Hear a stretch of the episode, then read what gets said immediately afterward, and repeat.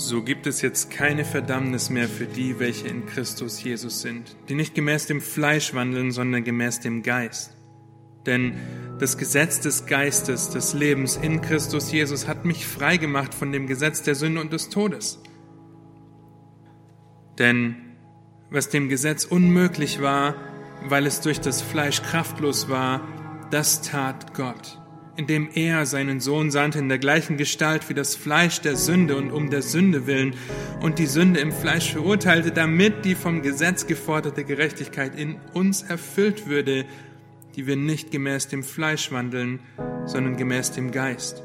Denn diejenigen, die gemäß der Wesensart des Fleisches sind, trachten nach dem, was dem Fleisch entspricht. Diejenigen aber, die gemäß der Wesensart des Geistes sind, trachten nach dem, was dem Geist entspricht. Denn das Trachten des Fleisches ist Tod, das Trachten des Geistes aber Leben und Frieden, weil nämlich das Trachten des Fleisches Feindschaft gegen Gott ist. Denn es unterwirft sich dem Gesetz Gottes nicht und kann es auch nicht, und die im Fleisch sind, können Gott nicht gefallen. Ihr aber, ihr aber seid nicht im Fleisch, sondern im Geist, wenn wirklich Gottes Geist in euch wohnt. Wer aber den Geist des Christus nicht hat, der ist nicht sein. Wenn aber Christus in euch ist, so ist der Leib zwar tot um der Sünde willen, der Geist aber ist Leben um der Gerechtigkeit willen.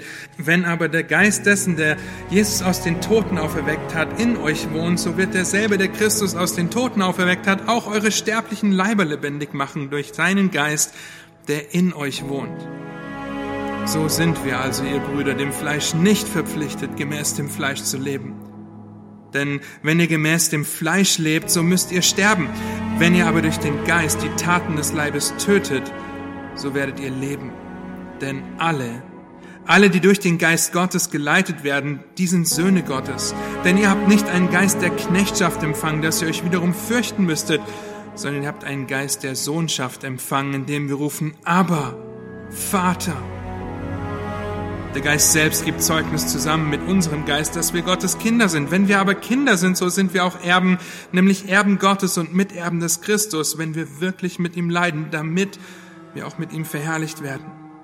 Denn ich bin überzeugt, dass die Leiden der jetzigen Zeit nicht ins Gewicht fallen gegenüber der Herrlichkeit, die an uns geoffenbart werden soll. Denn die gespannte Erwartung der Schöpfung sehnt die Offenbarung der Söhne Gottes herbei. Die Schöpfung ist nämlich der Vergänglichkeit unterworfen, nicht freiwillig, sondern durch den, der sie unterworfen hat, auf Hoffnung hin, dass auch die Schöpfung selbst befreit werden soll von der Knechtschaft der Sterblichkeit zur Freiheit der Herrlichkeit der Kinder Gottes.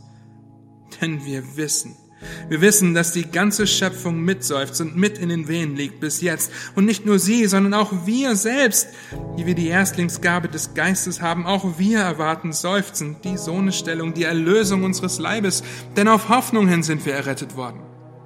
Eine Hoffnung aber, die man sieht, ist keine Hoffnung. Denn warum hofft auch jemand auf das, was er sieht?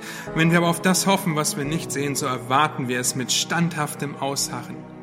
Ebenso kommt aber auch der Geist unseren Schwachheiten zu Hilfe, denn wir wissen nicht, was wir beten sollen, wie sich's gebührt, aber der Geist selbst tritt für uns ein mit unaussprechlichen Seufzern. Der aber die Herzen erforscht, weiß, weiß, was das Trachten des Geistes ist, denn er tritt so für die Heiligen ein, wie es Gott entspricht.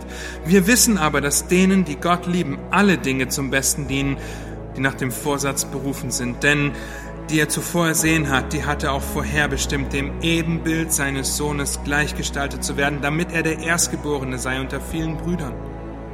Die er aber vorherbestimmt hat, die hat er auch berufen, die er aber berufen hat, die hat er auch gerechtfertigt, die er aber gerechtfertigt hat, die hat er auch verherrlicht was? Was wollen wir nun hierzu sagen? Ist Gott für uns? Wer? Wer kann gegen uns sein? Er, der sogar seinen eigenen Sohn nicht verschont hat, sondern ihn für uns alle dahingegeben hat. Wie sollte er uns mit ihm auch nicht alles schenken? Wer will gegen die Auserwählten Gottes Anklage erheben? Gott ist es doch, der rechtfertigt. Wer will verurteilen? Christus ist es doch, der gestorben ist, ja mehr noch, der auch auferweckt ist, der auch zur Rechten Gottes ist, der auch für uns eintritt. Wer will uns scheiden von der Liebe des Christus? Drangsal oder Angst oder Verfolgung oder Hunger oder Blöße oder Gefahr oder Schwert? Wie geschrieben steht, um deinetwillen werden wir getötet, den ganzen Tag, wie Schlachtschafe sind wir geachtet. Aber in dem allem überwinden wir weit durch den, der uns geliebt hat. Denn ich bin gewiss, dass weder Tod noch Leben, weder Engel noch Fürstentümer noch Gewalten, weder Gegenwärtiges noch Zukünftiges, weder Hohes noch Tiefes noch irgendein anderes Geschöpf uns zu scheiden vermag von der Liebe Gottes, die in Christus Jesus ist, unserem Herrn.